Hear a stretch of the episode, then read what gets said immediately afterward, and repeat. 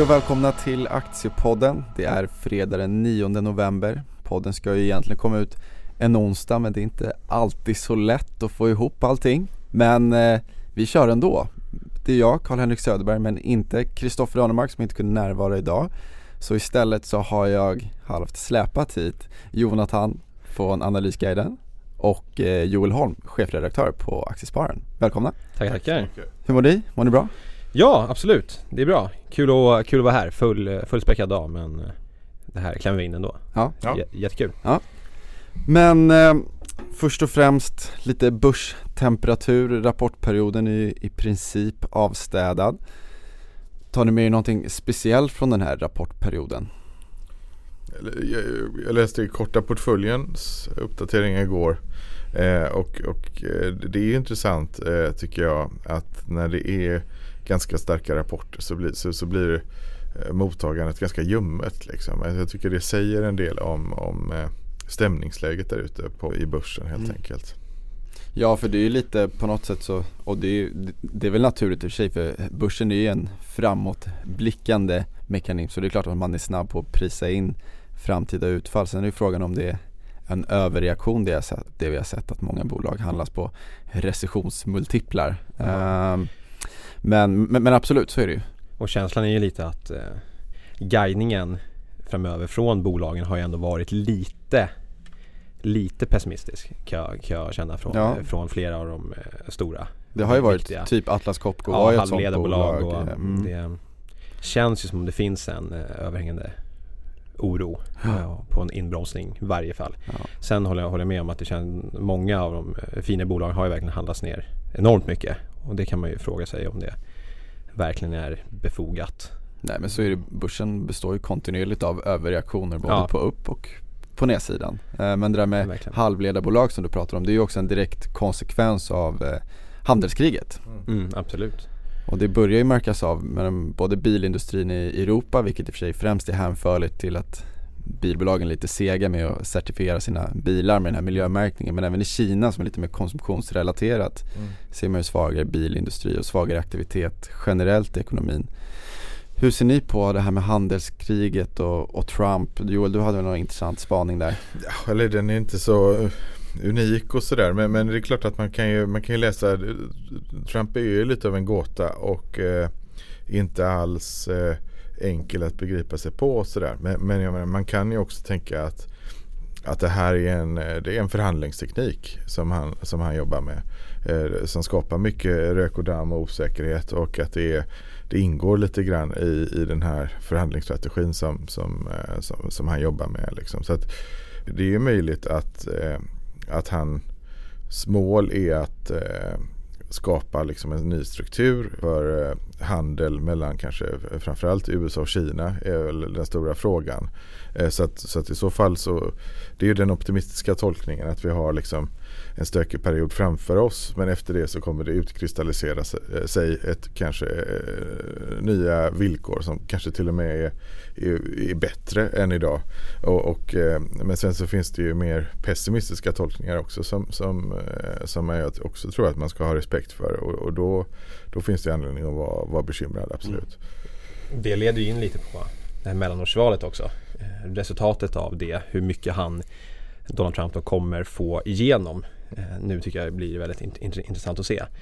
Utifrån handelskonfliktsdelen så kanske han får igenom rätt mycket ändå men det finns ju en del övriga reformer som är, kan bli mer tuffa att få igenom nu när det är en mer splittrad Kongress. Ja, ja exakt. lite så. Ja, för, att mer, ehm. för inrikespolitiskt så då, då blir det ju mer, då blir han mer, ska man säga åtstramande. Ja, det är absolut. svårt att få igenom kanske ytterligare reformer. Ja. Eh, å andra sidan, eh, som vi pratade om ekonomiska klubben i onsdags, så är å andra sidan Demokraterna mer liksom väl väldigt inställda till infrastrukturprojekt. Ja, eh, så att det i sin tur skulle kunna vara positivt för tillväxten. Men det här Däremot så har ju Trump ganska stort svängrum fortfarande utrikespolitiskt. Och det, som Exakt. du säger, det du är inne på, då skulle det kunna innebära att han blir ännu mer mån om att mm. driva handelskriget mm. vidare med tariffer. Jag såg eh, Skanska säga att det är ett guldläge nu efter, efter valet. Så att, eh, ja men det var samma story mm. när Trump blev vald mm. president. Då var ju Skanska gick ju fantastiskt. Bara för att marknaden var snabb på att prisa mm. in att nu kommer vi få de här infrastrukturprojekten i USA.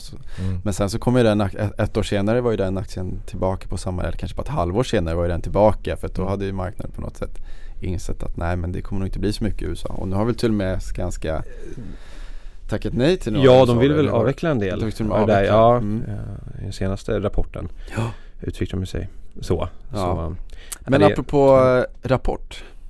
Så ja. tänkte jag att eh, Jonathan, du har, eh, du brukar alltid prata om spelbolag. Nej, men, ja, jag, men jag har ju hållit koll på, på spelsektorn som helhet under en ganska lång tid. Jag tycker att, alltså framförallt när de handlades ner i princip samtliga bolag Ja hela sektorn var, var ju mm. extremt nedtryckt och det gjorde det väldigt intressant tycker jag att, följa det. Och, Tycker du att det är en befogad liksom, aggregerad nedgång? Jag tycker ju inte det. Eh, jag tycker ju att, att sektorn är intressant och den strukturella tillväxten är fortsatt stark och kommer vara det. Jag tror att man beräknar att det kommer vara ungefär mellan 7 och 8 procent fram till 2022 på spel och betting som är, går över nätet. Då.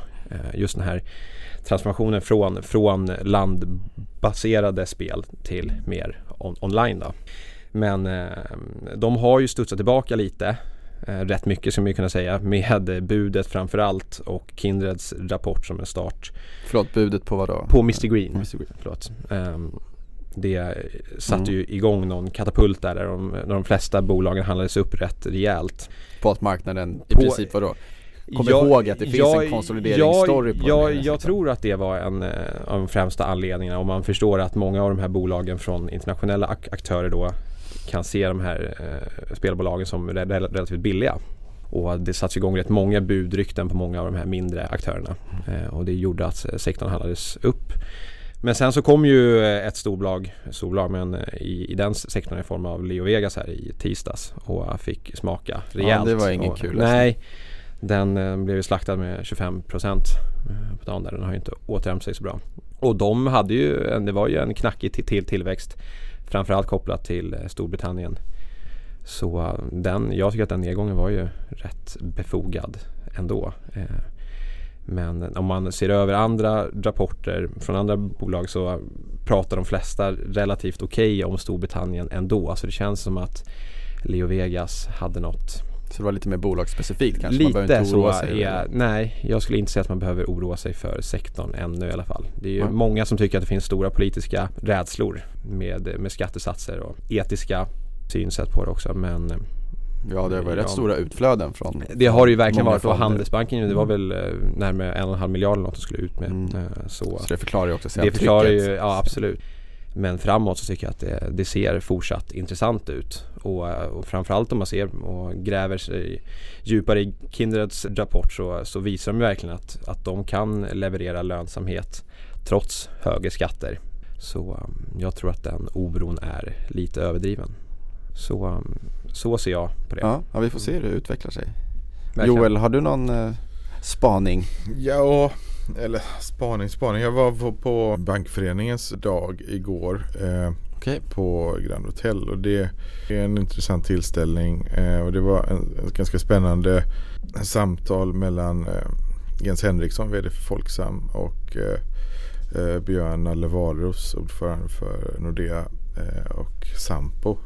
Alltid kul att lyssna på honom. Alltid kul att lyssna på honom, verkligen. Och, nej men det, de, de pratade ju om dels kanske lite läxor från, från, eh, från finanskrisen 2008. Eh, nu, nu när vi liksom det här snacket om recession och, och vad väntar runt hörnet och sådär eh, dyker upp allt oftare. Men, men då, då sa Warup som för övrigt bor ju i Mannerheims gård Åminne herrgård också. Så. Men att, att ett problem ofta är ju att generaler de förbereder sig för det senaste kriget.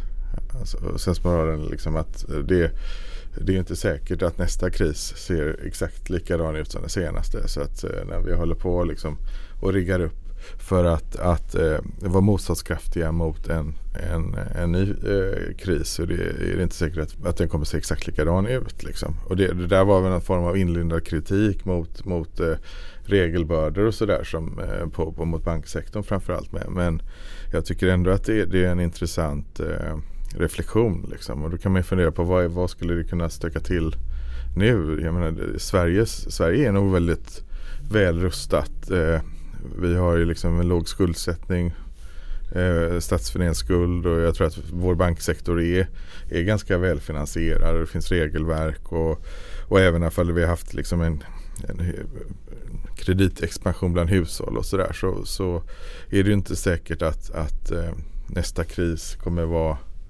kommer vara eh, svensk liksom. Ut, utan, och det, och det är väl det som är Eh, lite svårt att se riktigt. Henriksson ställde också en sån här fråga, liksom en öppen fråga som svävar ut i publiken och gjorde lite intryck. Och det var väl att det kanske är så att, att, Trump inte bara vill diskutera handelsförbindelserna med USA. Det kanske är, är något mer i, i synen på Kina som, som man har i kikaren. Och, eh, Eh, och, och lät lite oroad över det. Liksom. Eh, svårt att fylla i vad det är men, men jag, jag, jag läste den här Bob Woodwards bok Fear med, med Trump och där Steve Bannon är ute ur bilden men man förstår ju att, att eh, man ser ju, eh, ser ju Kina som en, liksom en konkurrent lite grann eh, när det gäller världsekonomi. Så, så att eh, vem vet vad, vad, vad, det kan leda till. Eh, det, det... Riktig cliffhanger helt enkelt. Ja, det är en cliffhanger. Ja. Vi får se. Men vad tror ni om utvecklingen kring handelskriget då?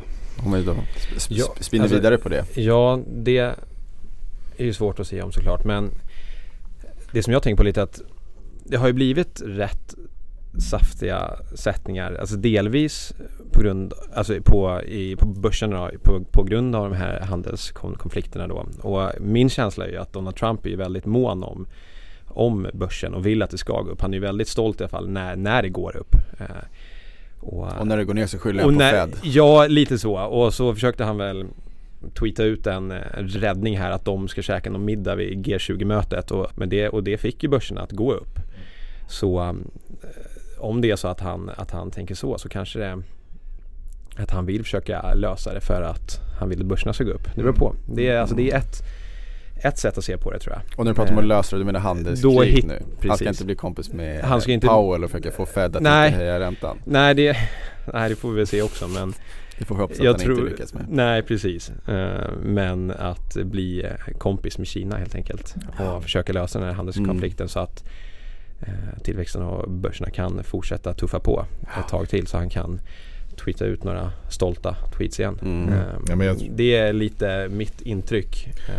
Jag, jag tror också att det är, jag tror du har helt rätt där. Att det, hela hans liksom framtid hänger lite grann på att han lyckas leverera när det gäller, gäller arbetslöshet och, mm. och tillväxt och, och, börs. Liksom. Så att, det känns som att det är det som han på något sätt vill uppfattas stark på. Sen är det väl kan man ifrågasätta hans syn på många andra saker eh, som många gör. Men där har han ju verkligen stimulerat de finansiella delarna. Mm, exakt och det, jag menar, alltså, det blir en fråga för nästa år om man då pratar om att det är viktigt för Trump med börsen men även det är det för oss också som investerare. Så blir det ju dels det här med, med Fed, att de fortsätter höja räntan. Vi ser ett klimat med högre räntor. Absolut. Vi ser lite mer likviditetsåtstramning från, från alla centralbanker nu egentligen. Även ECB och mm. Riksbanken ska höja räntan nu vid årsskiftet förmodligen. Så det börjar ju stramas åt rent likviditetsmässigt. Så då kan det ju bli en väldigt jobbig kombo om helt plötsligt handelskriget då börjar påverka eh, global BNP så att mm. vi får lägre tillväxtprognoser på det. Mm. Eh, då blir det en väldigt jobbig liksom, kombo. Man, om börsen ska orka, vi kan inte förvänta oss att vi ska se multipel expansion när räntorna stiger, Nej. när attraktionskraften för aktier successivt minskar utan då behöver vi vinsttillväxter och om det är det vi hänger upp prognos eller analysen på så ska vinstprognoserna ner på grund av exempelvis handelskrig då kan det bli en ganska jobbig mix. Faktiskt. Ja, det kan bli precis riktigt läskigt. En annan, ett annat orosmoln som var uppe som många berörde igår det var ju Italien. Eh, här eh, Som, ja, det kan bli en rysare. Det kan bli en rysare och i närtid. Och där såg man ju också lite grann på, eh, så på, på bankernas dåliga lån. Där ligger Sverige i svansen eh, på, på en väldigt låg andel. Där ligger Italien i topp. Eh, statens skuldsättning i förhållande till BNP är, är, är en saga för sig. Och, och det är klart att, att det här budgetbråket som vi har mellan, mellan EU och och Ital den italienska regeringen. Det, den kommer, eh, det blir väldigt spännande att se vad, vad som kan komma ut av det. Det, eh, det är svårt för, för kanske för EU-kommissionen att göra så stora avsteg för att det, det, liksom, det handlar ju hela europrojektets trovärdighet handlar ju lite grann om, om de här eh, regelverken som man har kommit överens om. Och, eh, och, och det, det, verkar inte heller som att den italienska regeringen som har gått till val just på att ifrågasätta de här regelverken heller har eh, så stort intresse av att, att eh, vika ner sig. Så, att, så att det blir väldigt spännande att se hur, hur den ska hanteras och hur det kommer tas emot på marknaden. Men er generella börssyn, hur ser, ligger ni fullexponerade i aktier eller har ni tagit ner risken? Tycker ni att det ser lite osäkert ut? Var det här en liten korrektion bara, ett hack i den stigande börskurvan eller är det början på ett nytt klimat?